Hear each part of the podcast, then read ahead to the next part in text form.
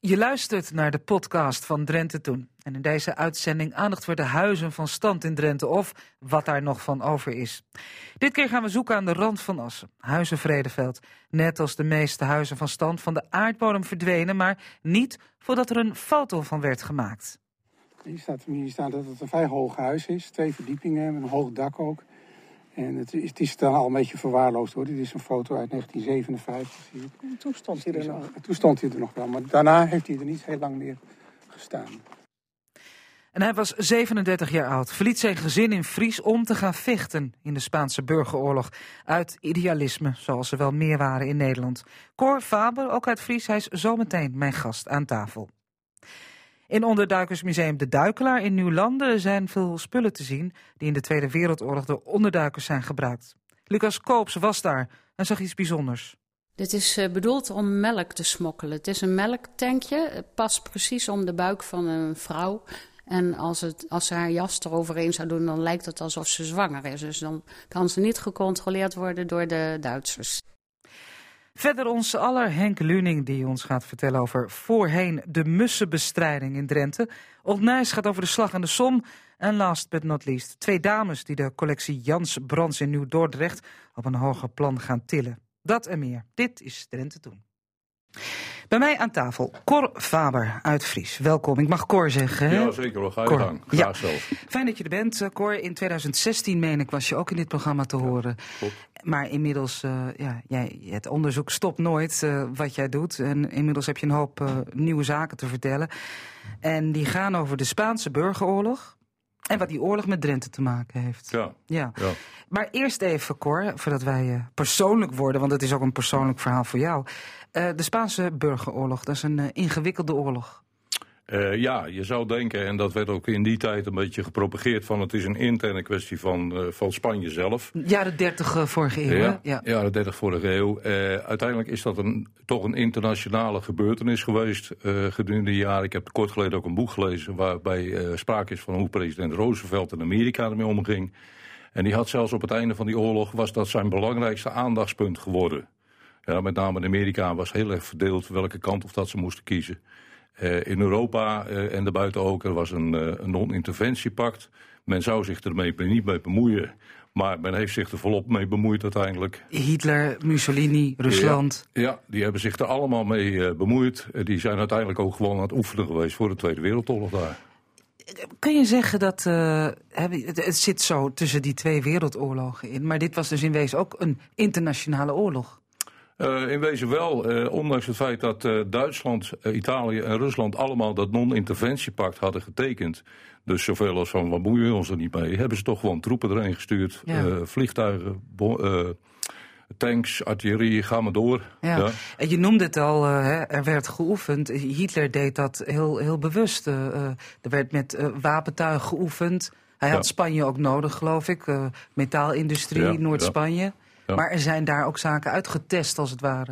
Uh, veel mensen kennen het plaatsje Guernica. Uh, daar heeft Picasso later een schilderij van gemaakt. Dat is een uh, oefening geweest in het gebruik van brandbommen. En daar zijn heel veel slachtoffers bij gevallen. Er zijn officiële rapporten die spreken van twaalf slachtoffers. En maar er zijn de dag daarna al journalisten geweest... en die telden in de gauwigheid al 15, 1600 slachtoffers.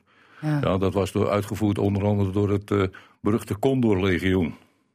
Jij schrijft ergens, waar weet ik niet meer, uh, oorlog die vergeten dreigt te worden. Ja. Um, misschien in Spanje wat minder. Ik kan me voorstellen dat daar men daar nog wel mee bezig is. Maar hier, uh, dat, dat, hoe leggen ze uit? Hoe kom je tot zo'n uitspraak? Uh, dat, dat merk je eigenlijk aan een soort gêne wat men heeft. Men heeft toen destijds zich er niet mee bemoeid. Diezelfde president Roosevelt, waar ik het net over had bijvoorbeeld... Uh, die was in het begin van die oorlog heel erg, uh, laten we ons er niet mee bemoeien. Amerika was heel erg bezig zichzelf in isolement te houden. Uh, het ligt er ook een beetje aan de labels die al die oorlog plakt. zo was bijvoorbeeld een oorlog van communisme tegen fascisten. Nou, Roosevelt moest geen van beide iets van hebben. Dus hij zoek hem maar uit. Maar die is dus op een gegeven moment tegen het einde van de oorlog totaal omgeturnd. Wij hadden ons er toch mee te moeten bemoeien. Ja. En dat was eigenlijk een beetje, ja, überhaupt ook in Europa was er een beetje de tendens en men schaamt zich er tot de heden nog steeds voor. Zeker gezien het feit dat dus die oorlog ervoor gezorgd heeft dat Franco aan de macht is gekomen. En dat gebleven is tot 1975. Je hebt het net over het communisme. Hè. Eh, staten hebben daar dan misschien anders op gereageerd. Uh, individuen uh, gingen daarheen om te vechten uit allerlei landen. Ja. En misschien gebruik ik het verkeerde woord, maar het heeft ik heb altijd het gevoel dat het ook te maken heeft gehad met een soort van romantiek die aan die oorlog kleefde. Van we gaan vechten. Uh, tegen de fascisten. Ja, ja, misschien verkeerde woord, maar hè, idealisme. Ja, zo was het wel hoor. Men, men, wist misschien niet, zoals vandaag weet je alles meteen dezelfde dag nog. Maar men wist misschien niet wat zich er allemaal afspeelde. Maar mensen wilden daarheen. Nederlanders ook. Uh, er werd uh, met name vanuit de communistische hoek. Daar hebben we zeker hier in Drenthe heeft dat gespeeld, ook in Groningen. Vanuit de communistische hoek was het echt een, een soort romantiek van... we gaan het communisme daar verstevigen. We gaan het fascisme bestrijden. Ja, uh, ja, dat werd inderdaad echt wel op die manier bekeken. Ja, ja. En zo komen we ook op, uh, op Vedde uit Fries, Vedde Albert. Daar gaan we het zo meteen over hebben. Mm -hmm. Ik noem het woord persoonlijk al. Jij hebt ook uh, jouw grootvader. kun je ons vertellen hoe hij in die oorlog betrokken is geraakt? Uh, als, je, als je mij een paar uur geeft, dan kan ik je dat helemaal vertellen. Maar goed. Het spijt me, maar ja, helaas, ja, dan moeten we maar de korte versie. Nee, uh... nou, uh, het komt erop neer dat mijn opa die had gevaren en avonturen beleefd, maar de man praatte daar nooit over. Dus wij wisten eigenlijk heel weinig. Ja, iets met Spanje en een schip en dat soort dingen. En zes jaar geleden belde mijn tante mij op, zijn dochter, en zij had een dagboek van hem gevonden uit 1937. En in dat dagboek had hij beschreven, bijgehouden, hoe hij geholpen had als matroos wapens smokkelen Eerst vanuit Rotterdam naar Polen en vanuit Polen naar Spanje toegegaan. Nou, dat heeft bijna twee maanden gekost om daar te komen. Bijna muiterij aan boord. Kapitein onder raadslachtige omstandigheden verdwenen. Uh, ze hebben uiteindelijk Spanje uh, gehaald. Uh, ze hebben de lading gelost, waaronder 32 tanks van het merk Renault. Zijn de volgende, of de paar dagen later, de haven weer uitgevaren en zijn toen onderschept door de marine van Franco. het schip werd beschoten, twee bemanningsleden om het leven. En de rest heeft dus twee maanden in gevangenschap moeten brengen. En ja, je moet je voorstellen, eh, oorlogstijd, je bent gevangen door de vijand in feite. Ja, want jij hebt voor de andere kant. Overigens, zij smokkelden voor de Republikeinen, de gevestigde regering. Eh, dat was geen pretje. Ze hebben twee maanden echt moeten zien te overleven. Ja, en uh, ja, er zijn nog steeds landen. Je moet gewoon voor jezelf zorgen, eten, tandpasta, ja, et cetera. En ja, dat, uh, dat opa, is, neem me niet kwalijk, jouw opa ja. heeft het allemaal opgeschreven in een dagboek. Die heeft het allemaal in een dagboek uh, bijgehouden. En ja, wij wisten eindelijk van één van zijn avonturen. Want er gaan meer van dat soort verhalen bij ons rond in de familie. Uh, maar eindelijk wisten wij een van zijn avonturen, ja. ja. Lijk je op je opa? lijk ik op mijn opa? Nee, nee. Ik lijk toch meer, mijn opa was van mijn moeders kant. En ik lijk toch iets meer op mijn vaders kant. En die heeft een Friese achtergrond. We zitten hier in de studio met Cor Faber uit Fries. En we praten over de Spaanse burgeroorlog. En wat die Spaanse burgeroorlog met Nederlanders en de renten te maken heeft. Nou, uh, voldoende. En Cor vertelde zojuist over zijn eigen grootvader.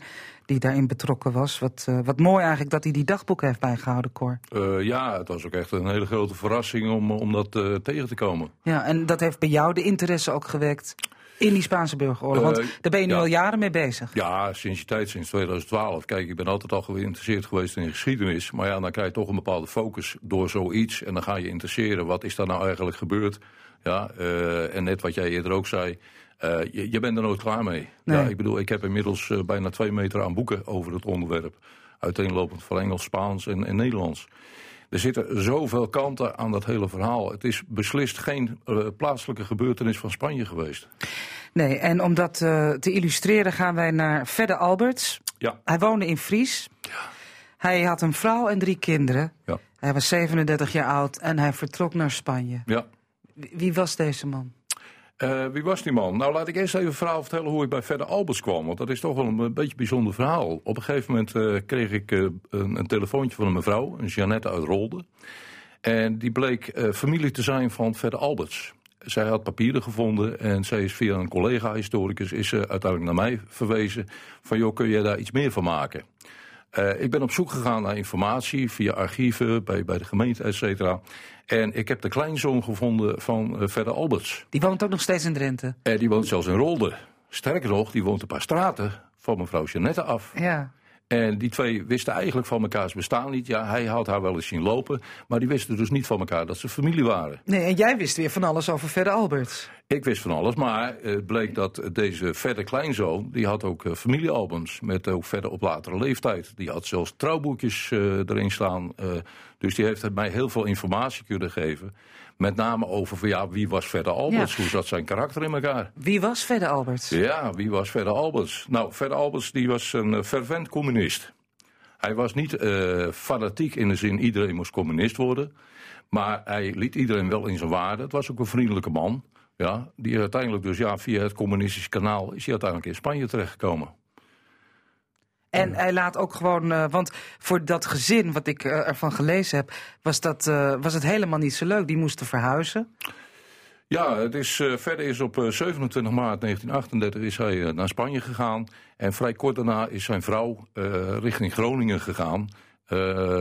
zoon Hendrik is daar ook naar Groningen, naar een ander adres. De oudste dochter Manna is wel meegegaan. Uh, het leuke ervan is dat de jongste dochter Gezien bleek dus bij een familie Kinds te hebben gewerkt in Zeegse. En uh, dat was een café-pension. En dan wil het geval dat Ellen, mijn vrouw, die is daar gewoon goed bekend. Die heeft er ook gewoond. En die zei toen van, joh, ik ken de eigenaren van het Witte Huis daar. Zou dat het café geweest zijn? We zijn er naartoe geweest, we hebben Roelof gesproken. En die zei, ja, dat klopt. We hebben, ik meen in 1956, hebben wij dit overgekocht van Kinds. Ja. Dus nou, jullie hebben eigenlijk dat hele gezin bijna weten te traceren? Uh, ja, ik heb zelfs de, de, de oudste dochter Manna, die bleek uiteindelijk in Workum, uh, was met een uh, Duitser getrouwd. Waarvan ik later ook hoorde dat de, haar man uiteindelijk in de Tweede Wereldoorlog ondergedoken heeft gezeten bij Vedde en jij ging zijn vrouw. Verder heeft uh, de Spaanse burgeroorlog dus overleefd. Ja. Weet je wat hij daar gedaan heeft? Kun je dat in een paar zinnen uitleggen? Uh, hij heeft daar gevochten. Is uiteindelijk in uh, december dat jaar is hij weer teruggekomen. Is via Parijs gegaan. heeft daar in een ziekenhuis gelegen, want hij had granaatscherven in zijn been. Dus hij is eigenlijk gewond teruggekomen. Ja. hij is teruggekomen. Ja. Vervolgens gaat, het, gaat het mis in de Tweede Wereldoorlog. Uh, ja, nou, het was daarvoor nog even, want de indruk die ik had van, van de familieaangelegenheden was van het gezin is uit elkaar gevallen. En ik kreeg dus van kleinzoon verder te horen van nee hoor, ze zijn weer bij elkaar gekomen en tot aan overlijden zijn ze ook gewoon bij elkaar gebleven. Dus dat was eigenlijk een beetje een verrassing. Hè? Ja. Uh, in de Tweede Wereldoorlog is hij uiteindelijk gearresteerd geworden, is in Boegenwald, kan Boegenwald terechtgekomen. Hij zat in het verzet. Hij zat in het verzet. Uh, dan moet ik wel zeggen dat uh, laatst heb ik een, een lezing bijgehouden in Drents archief. En het communistisch verzet hield zich met name bezig met het verspreiden van ja, illegale krantjes in die tijd. Dat deed hij ook, hè? En dat deed hij ook al mee, ja. ja, ja. Hij wordt opgepakt en gaat naar Boegenwald. En dan? dan in Boegenwald dan, komt hij daar zijn twee broers die ook gearresteerd zijn, komt hij ook weer tegen. Dat is een ongelooflijk toeval. Ja. hij heeft de oorlog overleefd. Ja, is uiteindelijk teruggekomen uit Boegenwald. Ja, en is daarna eigenlijk weer een, ja, zeg maar een normaal leven begonnen. Ja, voor zover het kan. Voor zover het uiteraard kan, ja. ja. Goed. Nee, kleinzoon Verder vertelde ook, die heeft hem uh, aardig goed gekend. Verder was een hele vriendelijke man. Ja, veel aandacht voor uh, familieaangelegenheden. Dus die is, uiteindelijk is het toch wel weer goed gekomen. Dus dat beeld van hij laat uit idealisme zijn gezin achter, dat moeten we een beetje nuanceren. Ja, misschien wel. Kijk, je moet je natuurlijk voorstellen, uh, in die tijd waren de kinderen zo leeftijd 14 tot en met, met 17. Uh, hij laat natuurlijk zijn vrouw achter. Ja, dat, dat zal niet makkelijk geweest zijn. Van, hé hey moeders, ik ga naar Spanje. Nou leuk, veel plezier. Ja, zo zal het niet gegaan zijn. Ik denk het ook niet. Nee. Jij, jij gaat hierover vertellen. 23 november aanstaande. Voor iedereen die, die daar graag bij wil zijn, geef jij een lezing. Uh, ja, dat wordt dan wel de lezing die gaat over mijn opa. Ik, uh, ik ga wat vertellen over uh, het Spanje wat niet in de folder staat. Ik ga vertellen hoe heeft de Spaanse burgerrol ge kunnen gebeuren. En daar ga ik begeleid van diverse afbeeldingen ga ik het verhaal van mijn opa vertellen. Ja. Dat doe ik op dit moment ook al. Dat heb ik al enige tientallen keren gedaan. En dit wordt gewoon openbare lezing waar per definitie iedereen welkom is. Ik vraag wel een kleine toegangsprijs van 6 euro bij de voorverkoper en 8 euro aan de zaal. En dat even in tegenstelling tot wat jij er straks riep. Ja, in... ik, ik, riep al uh, heel enthousiast dat het in Zuid-Laren was, maar het is dus in Fries. Ja, dat klopt. Maar dat komt eigenlijk omdat wij uh, de omstandigheden hebben moeten verplaatsen. Uh, verandert niks aan de lezing, verandert niks aan het tijdstip. Hoe laat is hetzelfde. het? zaal open om 7 uur en om half acht dan begint het feest. Prima. Wij uh, kunnen meer informatie geven als u dat wilt. Drentetoen.rtvdrenthe.nl sturen we de mails door naar Cor. 23 november, 7 uur, uh, vanaf 7 uur in Fries. Cor Faber, dankjewel. Graag gedaan, joh. Albert Oosterhuis, die is al gelukkig als je hem in een hoekje zet. Een stapel oude kranten. Old Nijs. Het is vandaag, 18 november, exact 102 jaar geleden dat de Slag aan de Somme eindigt. Je weet ongetwijfeld, de Eerste Wereldoorlog kende een stuk wat barre, bloedige confrontaties. Maar er was geen ene zo groot als de Slag aan de Somme in het jaar 1916. In de Drijnse en Azerkraant werd toen het geregeld verslag gedaan van deze gruwelijke loopgravenoorlog. Zoals de kraan van 30 september 1916, toen deze slag nog volop aan de gang was. De Engelse correspondenten, zo staat in de krant, zijn als steeds heel ijverig met beschrijvingen van gevechten aan het front. Interessant is wel het verhaal van de Times-correspondent over de inname van Thiepval, als ik het goed uitspreek. Het is een stad in het noorden van Frankrijk. Hij beschrijft die plaats als een onderaards Gibraltar. De vermeestering ervan is de grootste triomf van de Engelsen. Daar lag sedert september 1914 een Württembergs regiment in garnizoen dat zich op zijn onneembaarheid beroemde en Tjepval tot het laatst toe besloot te behouden. Duizend hunner zijn nu gevangen genomen. Zij verhaalden hoe zij in knusse schuilplaatsen lagen tijdens de hevigste bombardementen en de spot dreven met de Engelsen, die dachten Tjepval te kunnen nemen. Eén aanval werd van het zuiden uit gedaan over een net van loopgraven heen die de onderaardse gangen en een gedeelte van het in puin liggend kasteel verbonden, waarvan de uitgestrekte kelders, die weer met andere gangen verbonden waren, de geduchtste hindernis vormden. De Duitse veteranen vochten smiddags en s avonds allerverwoedst. De Engelsen raakten door hun munitie heen, maar vonden een overvloed van Duitse bommen. Er werd een gevecht van man tot man geleverd met bajonetten, met de kolf van het geweer en zelfs met vuisten. Het tweede gevecht was nog vreselijker en woedde onder de grond, onder de voeten van degenen die daarboven waren. De Engelsen daalden in schachten af en vielen de Duitsers met bommen, messen en bajonetten aan. In die donkere doolhoven speelden zich drama's af die niet naverteld zullen worden. Heldendaden die niemand zag. De duizend gevangenen zijn een fractie in vergelijking met het aantal Duitse doden en gewonden. Hoe vernuftig de Duitse holen verborgen waren, blijkt dat er luchtkokers achter de Engelse linies waren, die de Engelsen nooit hadden kunnen vinden. Op een keer werden twee Duitsers achter de Engelse linies gezien. Een officier trad naar voren, lenkende dat zij zich over wilden geven. Zij schoten op de officier en verdwenen en waren niet meer te ontdekken. Toen de aanval gedaan werd, onderhielden de Duitsers met machinegeweren een vuur in de rug van onze aanvalsgolven. Daarom werd later een dubbele en gelijktijdige aanval gedaan met het doel om alle luchtgaten van de met elkaar verbonden gangen te omsingelen. In de nacht van donderdag op vrijdag was het kalm, vrijdag nog enkele vorderingen van Engelsen en Fransen, maar slagregens belemmeren opnieuw de operaties. Tja, tegen het verlies van honderdduizenden soldatenlevens veroverden de Britten en de Fransen aan de Somme in 4,5 maand tijd zo'n 10 kilometer grond op de Duitsers. De eerste dag van de slag aan de Somme is met 60.000 Britse slachtoffers nog altijd de meest dodelijke dag in een oorlog. Tot op de dag van vandaag. Ik kan u vertellen dat het volgende week in uh, Old Nice over hele andere zaken gaat. Radio Drenthe presenteert opnamen uit het archief. Wij gaan terug naar 1964. Oud-burgemeester Nijenhuis van Gieten is te horen op de Rono... met een merkwaardig verhaal waarvan hij bij hoog en bij laag beweert... dat het echt gebeurd is. Als je al zo'n 40, 50 jaar in het veld lopen hebt... ach, dan beleef je natuurlijk nogal eens wat. Ja, nee, kijk maar dan... Ik, ik ben bang dat de lui die hier nog luistert... dat ze dan denkt, nou, door hij ook een die kent jagers Latijn... maar ik wil je toch eens één ding vertellen... Dat was van een koppel ganzen. Op een morgen. Toen was ik achter de Oranjebond in Droom. En toen kwam de ganzen over mij en ik keek eens naar boven. Ik denk, nou jongens, ik ben toch hoog genoeg. Maar laat ik toch maar eens proberen. En ik schoot erop. Eén schot. Dan kwam hij naar beneden en ik schoot nog eens weer. Weer een schot, dan kwam weer een naar beneden. Ik denk, jongen, jongen, hoe moet ik bij de zware ganzen nog met krijgen? Maar ze waren niet dodelijk erop. Ze zakten een beetje onderuit. En weet je wat die anderen deed? Die kwamen er allemaal om toe. En die een hele karre slag met de vleugeltjes. En ze kregen die twee schoten gaan, kregen ze weer in een lijn. En ze gingen mooi met een kan, gingen ze weer naar het oosten in. Ja, en een sneuwe burgemeester Nijenhuis staarde naar het oosten. Hij was er gauw nog over hen, hoor. Er is zoveel te beleven in het veld. En zo is dat. Mooie radio. Uit 1964. Drenthe Toen.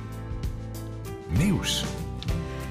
En voor het nieuws is aangeschoven Lydia Tuinman. En er is een hoop te doen in de provincie, uh, Lydia. Ja, en uh, daar heb ik het een en ander van op papier voor mij.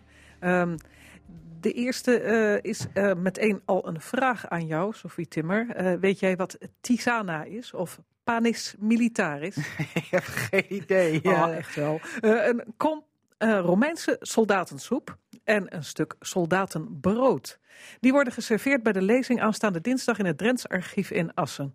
Een lezing over de schriftelijke cultuur van het Romeinse leger. Met andere woorden, een kijkje in het dagelijks leven van de gewone man en het leven van alle dag in de oudheid. De afdeling Assen van het Nederlands Klassiek Verbond geeft op dinsdagmiddag uh, um, doctorandus Martin Boerman de gelegenheid om hierover te komen vertellen. En hij laat zoveel mogelijk, dat is wel bijzonder, de soldaten van destijds zelf aan het woord. En dat kan omdat er heel veel geschreven is door die mannen. Dat enorme Romeinse Rijk dat kon alleen in stand gehouden worden dankzij uitgebreide en vooral schriftelijke communicatie over en weer. En ja, dat is, uh, dat is overgebleven, dus we weten uh, hoe het uh, hen verging. Aanstaande dinsdag om drie uur er wordt een speciaal Romeins soldatenmaal geserveerd. Ja, dat zal dus die panis militaris en de, en de tisana, de soep en het brood wel Ja, ja, en Martin Boerman die brouwt zelf ook bier naar klassiek Romeins recept. En ik geloof dat hij wat flesjes meeneemt om aan te schaffen misschien. Geld ja. meenemen dus. Aanstaande ja. dinsdag, drie uur. Opgave is verplicht en kan via assen.nkv.nl. Dat is het e-mailadres van het Nationaal Klassiek Verbond. En opgave kan uiterlijk morgen nog. Ja, goed. Uh, dat is leuk. Uh, zometeen kom jij terug met meer nieuws. En dat speelt zich ook af in het Drentse Archief. Want er gaat donderdag ook iets plaatsvinden met een, een overdracht van een fotocollectie. Ze zijn er druk mee daar. Actieve ja. club. Leuk. En dat klinkt overigens misschien heel saai, die overdracht. Maar dat is het niet. En daar hoort u zometeen meer over van Lydia. In Onderduikersmuseum De Duikelaar Nieuwlanden wil men zich de komende tijd vooral gaan richten op jeugdige bezoekers. Lucas Koops die ging naar Nieuwlanden en hij liet zich daar rondleiden. Ik loop in de Duikelaar met uh, Willy Smit. Willy Smit is uh, verantwoordelijk voor uh, educatieve activiteiten bij de Duikelaar. We lopen hier in de gang van het schoolgebouw. En ja, daar staan alle mogelijke voorwerpen die door onderduikers gebruikt bent. en hier zie ik iets heel bijzonders. Een of ander, ja, een tankje. Wat is het, Willy? Dit is bedoeld om melk te smokkelen. Het is een melktankje. Het past precies om de buik van een vrouw. En als, het, als ze haar jas eroverheen zou doen, dan lijkt het alsof ze zwanger is. Dus dan kan ze niet gecontroleerd worden door de Duitsers. En zo kunnen dan melk gesmokkeld worden naar mensen die op uh, onderduik uh, schoolplaatsen waren? Precies, daarvoor is het bedoeld, ja. Het is een, een, een, behoorlijk grote school. Er is heel veel te zien hier op het gebied van, van de geschiedenis van, van het onderduiken. En dan specifiek uh, toegespitst op uh, nieuw landen. Wij loopt hier een lokaal binnen. En hier staan allemaal hele grote panelen. Wat is dit? Dit is het verhaal wat door, waar, wat door Westerbork is gemaakt. Hier wordt het verhaal van de onderduik verteld. De onderduikplekken, de onderduikgevers, de onderduikers zelf. Nieuwlanden heeft daar een bijzondere uh, plaats in, want zij hebben de moed gehad om uh, mensen te helpen, om ze te verstoppen. En heel veel Joden die hier verstopt hebben gezeten, die hebben het ook overleefd. Hier staat op een van die grote panelen, ook met grote letters, nooit iemand de deur wijzen. Was dat min of meer het motto van de inwoners van Nieuwlanden? Ja, het was vooral in eerste instantie het motto van Johannes Post. En die uh, had grote bekendheid hier in het dorp. En die wist de mensen ervan overtuigen dat ze anderen dienen te helpen. Dus nou is, het, nou is het belangrijk om dat verhaal te vertellen. Dat verhaal dat wordt hier ook verteld in dit, uh, in dit museum. Maar je hebt nou uh, nadrukkelijk plannen om ook kinderen, jeugdigen uh, erbij te betrekken. Hè? Ja, dat is zo. Um, als je kijkt naar um, de kerndoelen van het onderwijs, en met name van de geschiedenislessen, zowel in het basisonderwijs als in het voortgezet onderwijs, dan is het ook uh, de jodenvervolging, uh, het onderduiken, de, het verzet. Dat zijn uh, onderwerpen die uh, behandeld worden op de scholen. Maar om met onderduiken geconfronteerd te worden, gaat school nou vaak naar Amsterdam, naar het Anne Frank-huis. Dat hoeft eigenlijk helemaal niet. Nee, wij zitten nu hier vlakbij. Tenminste, voor de regio hier is het uh, voor hen makkelijker om hier naartoe te komen. Ja. Maar wat, wat ga je nou doen dan om het hier aantrekkelijk te maken voor kinderen? Want kinderen willen niet alleen allemaal uh, teksten uh, lezen, die willen ook iets beleven, die willen iets doen, denk ik. Wat ga je nou doen? Nou, we, willen, we zijn natuurlijk nog niet helemaal klaar met ons museum. We zijn pas gestart in, in april van dit jaar. We willen inderdaad een soort van belevingsruimte maken. Bijvoorbeeld een fiets waar ze op kunnen fietsen en dat de lamp gaat branden. Uh, we krijgen een touchscreen tafel, een uh, tablet zeg maar in groot formaat opoten. Waar de kinderen ook zelf kunnen kijken en de verhalen kunnen ontdekken. Dus het is ook belangrijk um, om, om op een zeg maar, vernieuwende vorm de kinderen kennis te laten maken met dit verhaal. Dus niet te veel lezen, maar ook zelf ontdekken en, en zelf een mening vormen over het uh, gebeuren. Is het nou al zo dat hier wel uh, schoolklassen naartoe komt en dat hier wel individuele kinderen naartoe komt? Of moet dat echt nog op gang komen? Uh, dat moet nog een beetje op gang komen. De scholen hier uit het dorp die zijn natuurlijk al wel geweest. Die hebben ook al een rondleiding gehad en een soort van speurtochtje. En we hebben uh, kinderen hier uit het dorp die uh, zijn betrokken bij dit museum. En dat zijn dus de, de jeugdambassadeurs.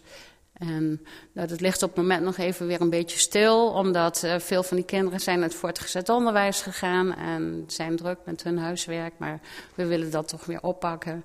Want we vinden het belangrijk dat de kinderen, zeker ook hier uit het dorp, dat die in de toekomst doorgaan met dit museum. Je noemt dat de jeugdambassadeurs, dat bent eigenlijk kinderen die hier wat vaker komt dan andere kinderen en die dan enthousiast het verhaal vertelt over wat hier allemaal wel niet te zien is. Ja, inderdaad. Ja, dat is uh, de bedoeling. Ja. En activiteiten? Gaat jullie ook activiteiten organiseren voor kinderen, specifiek voor kinderen? Ja, we hebben uh, in de herfstvakantie hebben we al een activiteit gehad.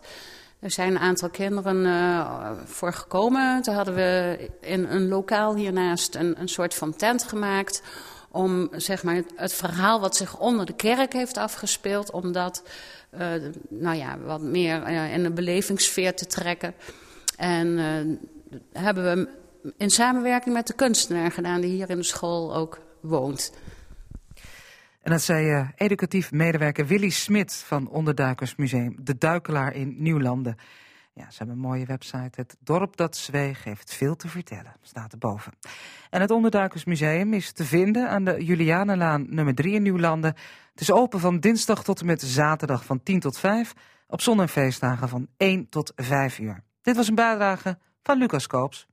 Nog even een huishoudelijke mededeling. De lezing van Cor Faber in Fries.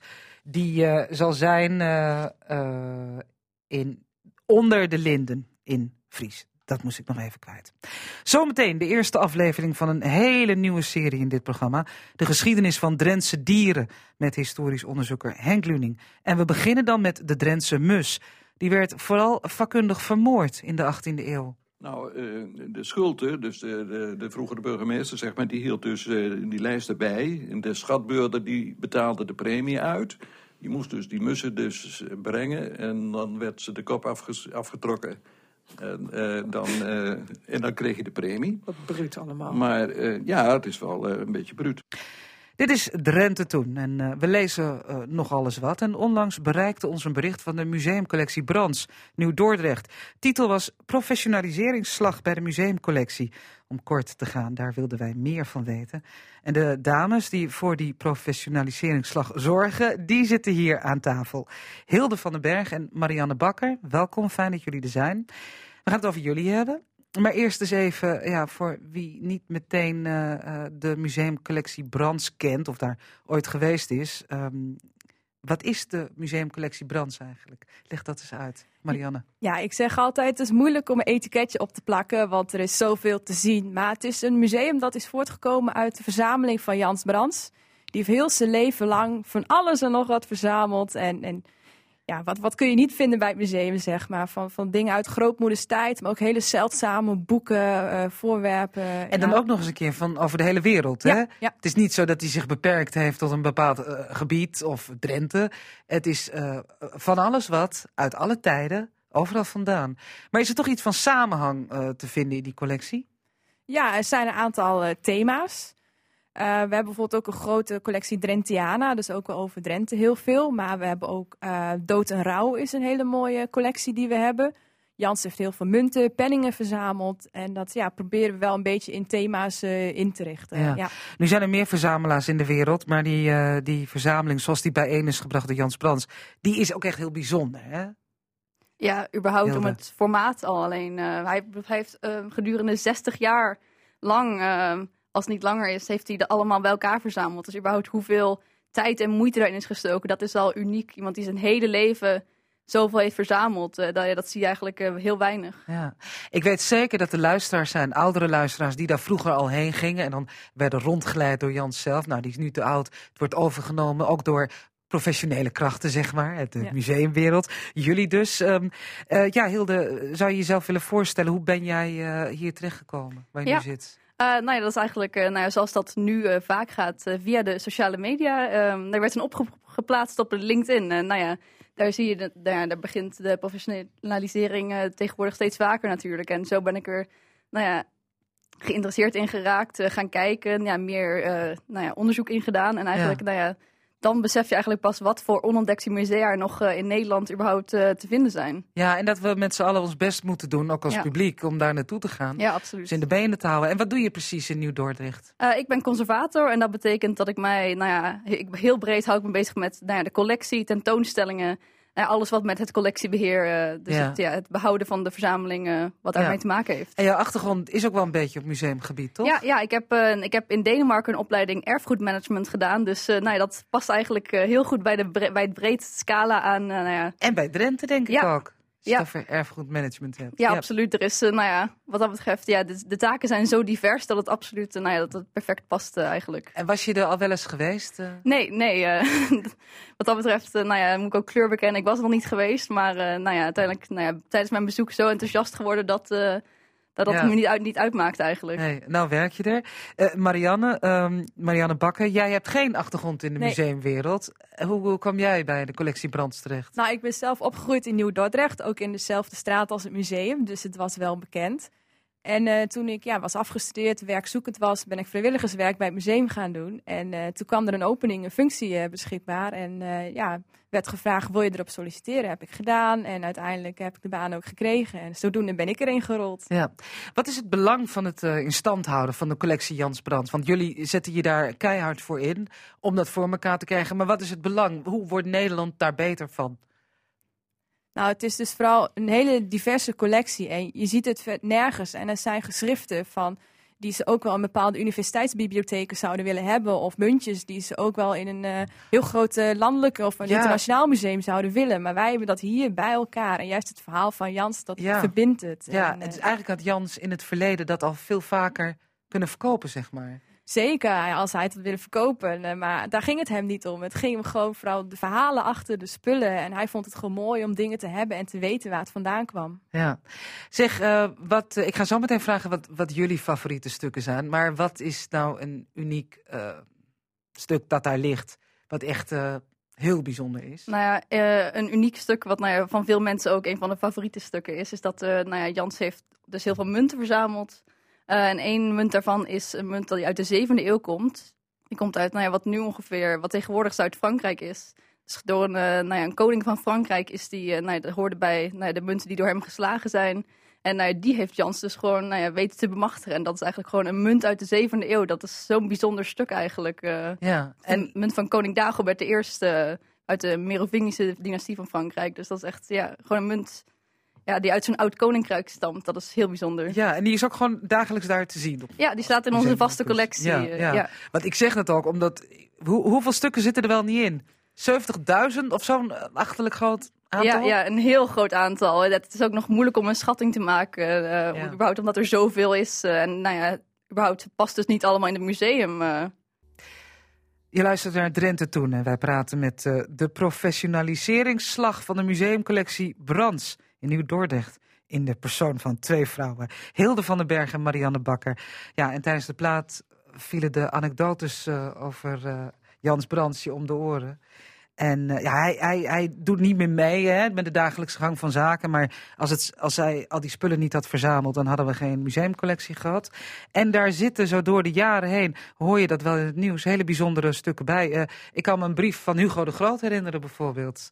Maar eh, weet je dan ook echt zeker dat het zo is? Of is het ook een beetje de romantiek van sommige oude documenten?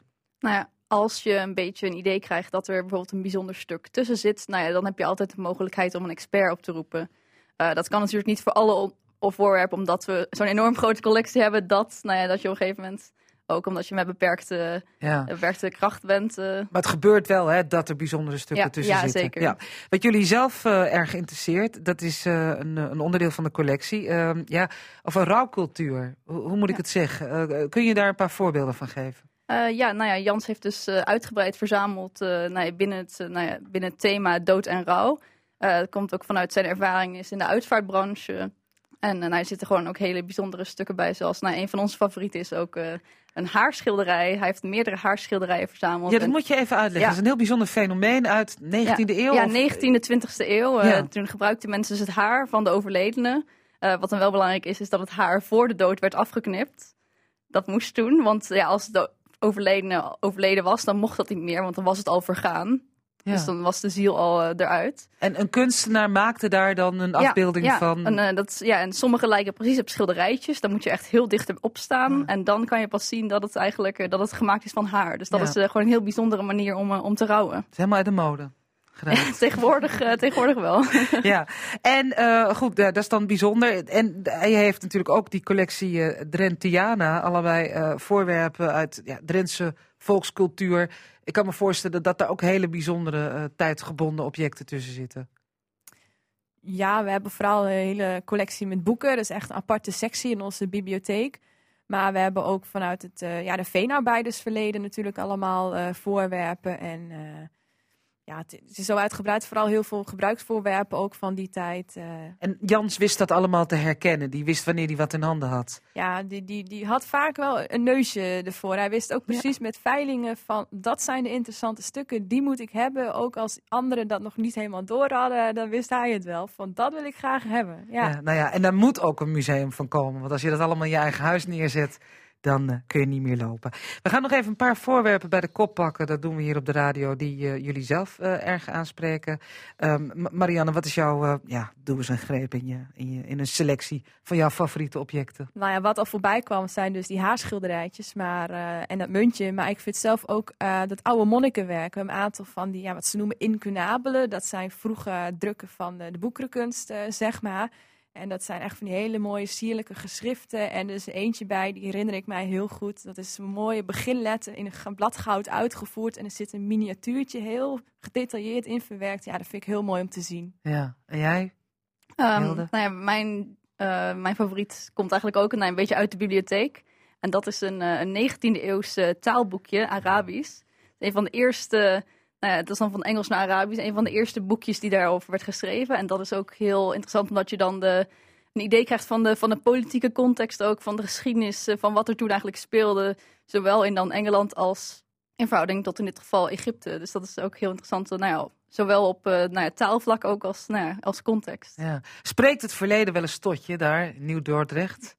Ja, je kan, je kan ja, overal waar je loopt, je komt altijd iets nieuw te, nieuws tegen. En ja, dan word je helemaal ermee ingezogen. Dan kom je weer iets onbekends tegen. Dan ga je daar weer helemaal onderzoek in doen. Dat, ja. ja. Het is de bedoeling dat uh, de objecten gedigitaliseerd worden. Dat wij ze kunnen zien op internet, denk ik. Maar dat is, uh, daar ben je voorlopig nog niet mee klaar. Absoluut niet. Nee, uh, nee daar komt ook een uitgebreid uh, nou ja, plan aan, uh, aan te passen. Want ja, we hebben gewoon zo'n grote collectie dat, dat, nou, dat moeten prioriteiten gesteld worden. Dat moet gestructureerd aangepakt worden. Dus dat is nog een grote klus. Jullie zijn daar de komende jaren nog wel uh, actief. Uh, ja, absoluut. Ja, er is genoeg te doen. Goed, heel erg bedankt dat je hier was. Wanneer kunnen wij uh, overigens gaan kijken naar, naar de collectie Brands, museumcollectie? wij zijn van dinsdag tot vrijdag van 11 tot 5 geopend. En in het weekend zijn we van 1 tot 5 geopend. En er is ook veel meer te doen. Behalve ja, tentoonstellingen die eraan zitten te komen voor 2019 hebben we ook regelmatig activiteiten. Daar zijn we nog druk mee bezig om leuke dingen rond te, te krijgen voor 2019. Dus ja, kom vooral eens uh, een keertje kijken in het museum zelf, maar ook bij alle andere dingen die we organiseren. Ja, en hebben jullie je plekje daar gevonden? Ja, hoor. zeker. Ja. Heel veel succes en bedankt voor je komst. Hilde van den Berg en Marianne Bakker. Bakker. Dankjewel. Huis Vredeveld in Assen werd halverwege de 17e eeuw gebouwd door Zeino Joachim van Welvelde. Halverwege de 18e eeuw kwam het huis in het bezit van de Drentse gedeputeerde Herman van der Velds.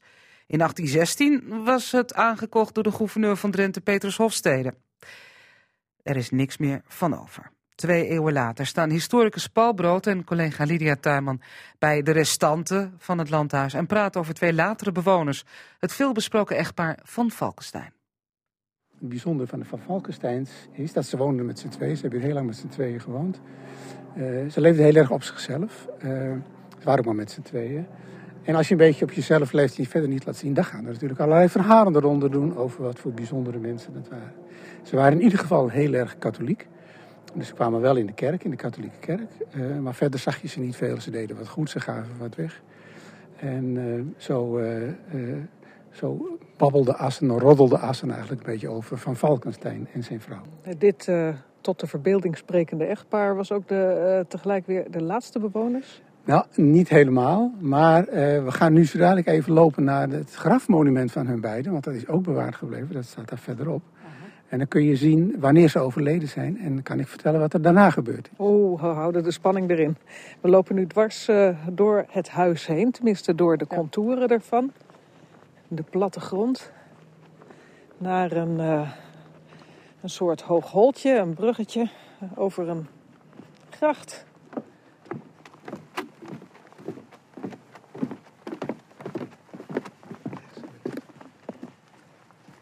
Even naar rechts.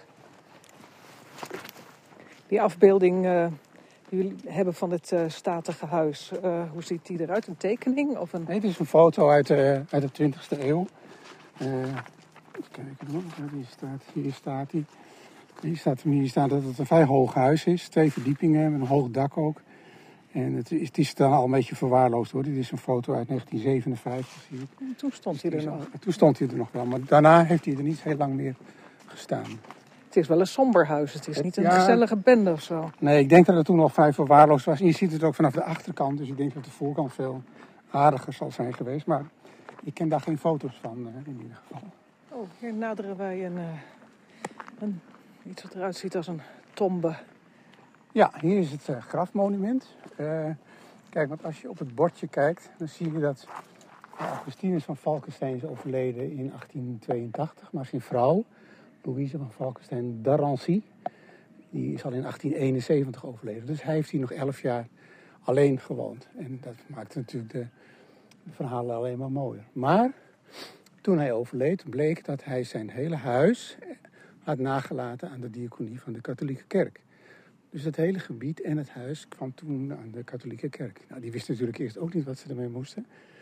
En eh, toen is het verhuurd geweest, eh, heel lang.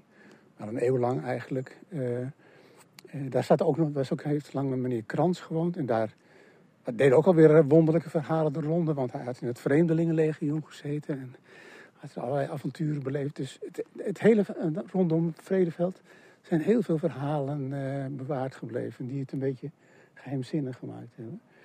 En enfin, eindelijk in, ver in onze eeuw na de oorlog was de toestand zo slecht dat het inderdaad afgebroken is. Maar de gemeente Assen heeft er, heeft er goed voor gezorgd. En wat nog mooier is, is ook in een mooi boek verschenen. Dat heet Het Geheim van Vredeveld. Geschreven door Bonnie Petri. En die eh, vertelt het hele verhaal van Van Valkenstein.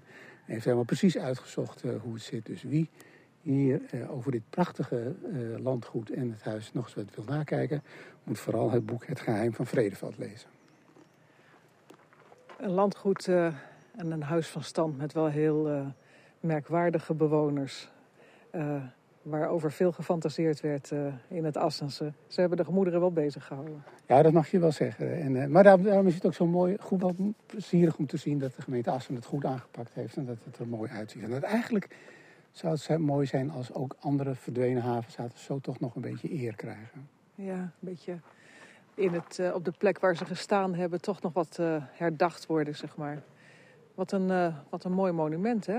Gietijzer, zo te zien. Ja, ja. eh, en ik, ik denk ook dat het van de Asser ijzergieterij was. Er zat een hele bekende Asser ijzergieterij hier. En ik denk dat die dit ook wel gesmeed heeft. Ja, een, uh, een heel somber uh, staketsel van zwart ijzer met uh, allerlei symbolen eraan. Ja, ik zie al twee symbolen. Ten eerste zie je daar een doodshoofd bovenin, hè, onder een kruisje. Een doodshoofd en dan een, een, een zandloper, die natuurlijk de tijd moet, moet symboliseren. Maar echt vrolijk word je er niet van, nee. Nee, een stel fakkels die ook al aan het uitdoven zijn. Een slang die in zijn eigen staart bijt. Dat is weer het symbool van de onsterfelijkheid. Hè? Ja, ja, alles zit erin. Er is goed over nagedacht. Ja. En twee uh, afgebroken bomen. Ach. Ja, ja, ja. En uh, dat zijn dan de twee le levens die dus uh, uitgebloeid zijn. Ik maak er even een foto van. En die foto van het uh, gietijzeren grafmonument... die is te zien op onze Facebookpagina Drenthe Toen. Geef ons meteen even een like... dan blijf je op de hoogte van wat we daar elke week aan wetenswaardigs op zetten. Vanaf vandaag hebben we een nieuwe serie in Drenthe Toen. En uh, ja, eigenlijk schrijven ze zelf geen geschiedenis, de dieren. Maar ze komen natuurlijk wel voor in onze geschiedenis en in de archieven. En daardoor zijn er toch veel mooie verhalen te vertellen... over uh, onze gezamenlijke geschiedenis onze samen met gevederde of vierbenige medeschepselen geschiedenis. Henk Luning uit Assen die deed veel onderzoek naar het onderwerp. En vandaag gaat het over de Drenten en de mussen. En dat is niet altijd een vredige historie. Er is dus een overlast aan mussen, zo rond 1750, 1780. En uh, die overlast die is veroorzaakt doordat men de roofvogels bestreed. En als bijvoorbeeld de, de sperwer, die werd als roofvogel beschouwd. En die moest dus uitgeroeid worden. Dus dat uitroeien van roofvogels, dat geeft de mussen de kans om zich uit te breiden. En zo hangt die hele natuur aan elkaar. Dus die verstoort het evenwicht. Waardoor je dus een, veel te veel aan mussen krijgt. En te veel aan mussen. En toen, wat gebeurde er? Nou, de overheid die uh, loofde dus premies uit om de mussen te bestrijden. Twee duiten premie voor een, een aangebrachte mus. Twee duiten, dat was ongeveer een, een, een kwart stuiver. Dus veel is het niet. Ook maar, in, in, in de verhoudingen van die tijd was het niet veel?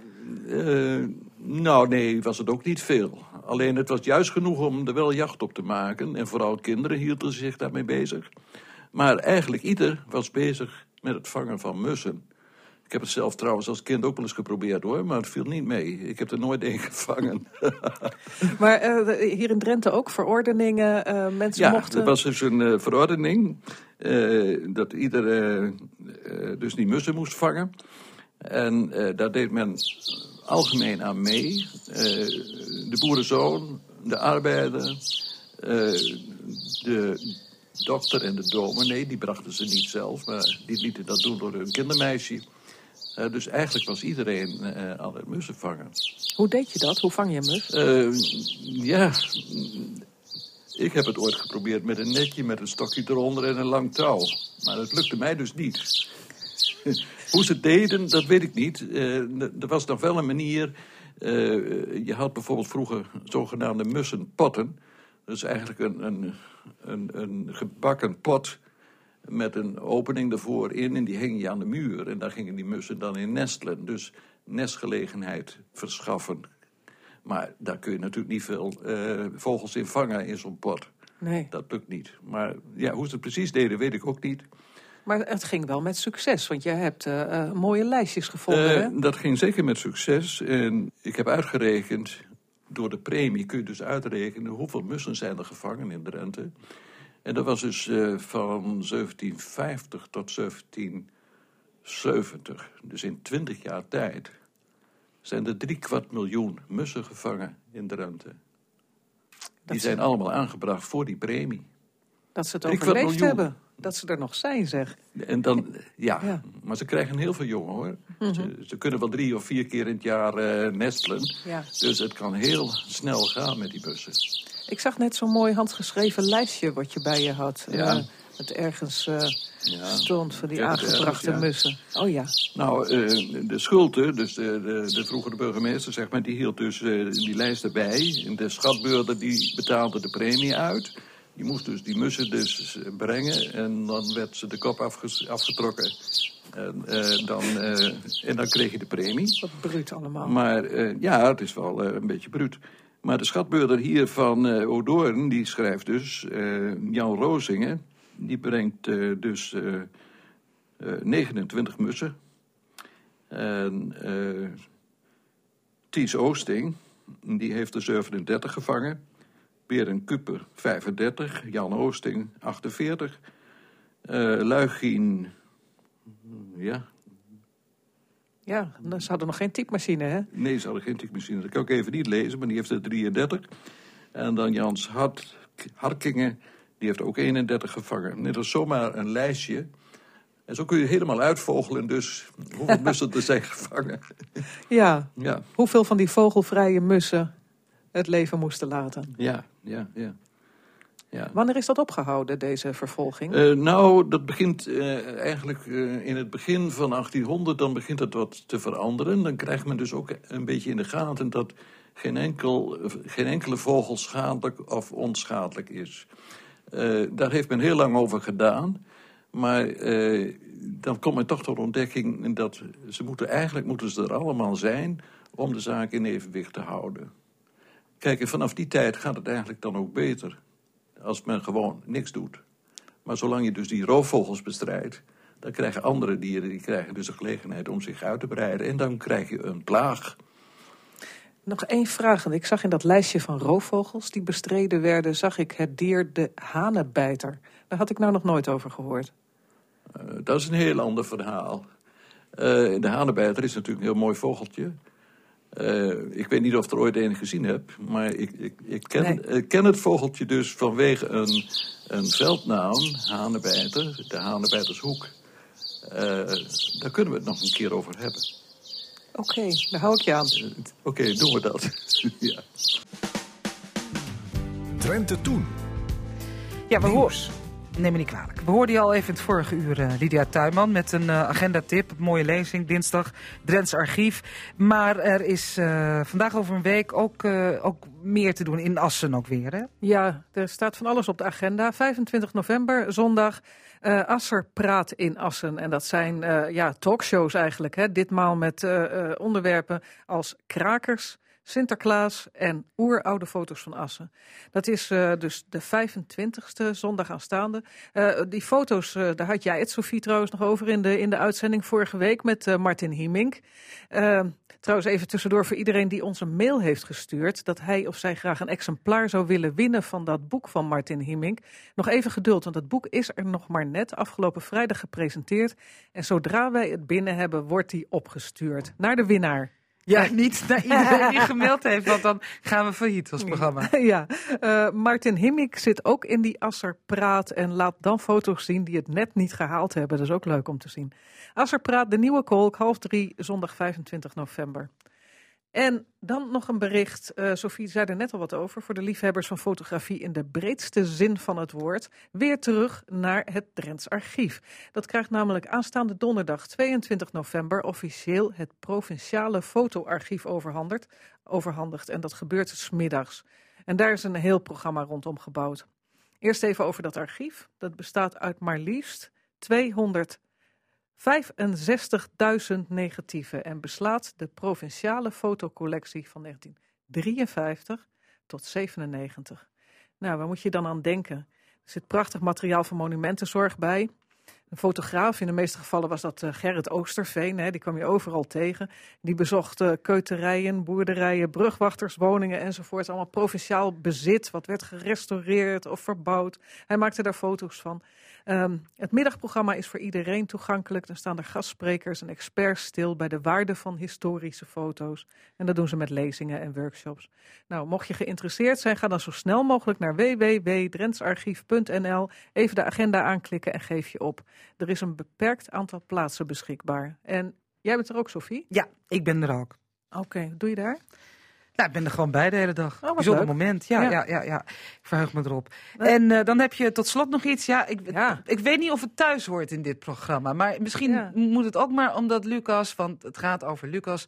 eh, ja, tot voor kort, hij is met pensioen. eh, Ja, ook, Lucas Koops. ook aan dit programma heeft meegewerkt. En hij komt nu met een, een roman over, over geschiedenis eigenlijk. Ja, eigenlijk is het wel een beetje een terugblik. Hè? We moeten hem allemaal natuurlijk nog gaan lezen, dit boek. Maar onze zeer eh, eh, gewaardeerde en gepensioneerde collega Lucas Koops heeft een boek geschreven.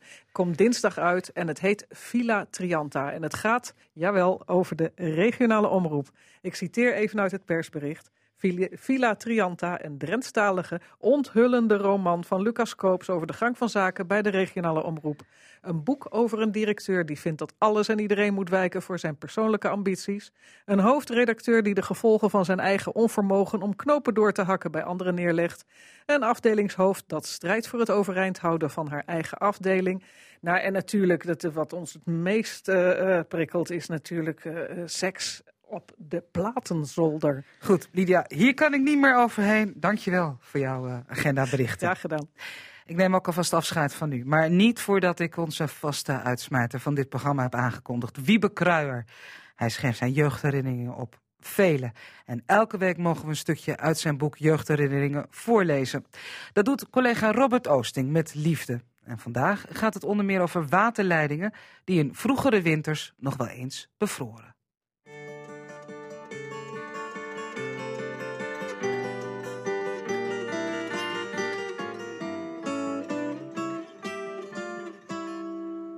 Het genot van nutsvoorzieningen. Het huis had aansluiting op de waterleiding en het elektriciteitsnet. Eén aftappunt van de waterleiding zat in de schuur en één aftappunt zat in het karnhuis. De lode buis van de waterleiding liep door de schuur helemaal naar voren tot aan de straat. Hier was het mogelijk om de waterleiding bij vorst af te sluiten. En dit was vaak nodig. Want de lange buis had veel plaatsen waar die gemakkelijk kon bevriezen. En dat kwam dan ook nogal eens voor. De smid kwam er dan weer aan te pas om met behulp van een brander en een grote soldeerbout de leiding te repareren. Het afsluiten van de waterleiding was op zich al een heel kawaii. En het was zeker, als het flink vroor en bij felle oostenwind, beslist geen leuk klusje. De put was ruim een meter diep en stond vaak deels vol water. Dat dan eerst moest worden weggeschept. Daarna kon met een lange stok voorzien van een haak de hoofdkraan worden dichtgedraaid en het aftapkraantje worden geopend. Dan moest de kuil weer goed worden afgedekt met stro en zakken, zodat de hoofdleiding niet kon bevriezen. Het met je mond doorblazen van die lange buis moest beslist niet worden vergeten. Als je dit vergat, of het niet zorgvuldig had gedaan, dan was de leiding binnen de kortste keren weer bevroren. S'morgens was een van de eerste klusjes het water weer aan te sluiten, want de koeien moesten kunnen drinken. Toen later de nieuwe koeienstal werd gerealiseerd, kregen we ook nog een aftappunt van de waterleiding in de stal zelf. Dat was een behoorlijke vooruitgang. Het gesleep met emmers water was daarmee verleden tijd. Het systeem van drinkbakken, waarbij de koeien zelf hun water kunnen tappen, was waarschijnlijk nog niet uitgevonden. Of voor ons toen gewoon te duur.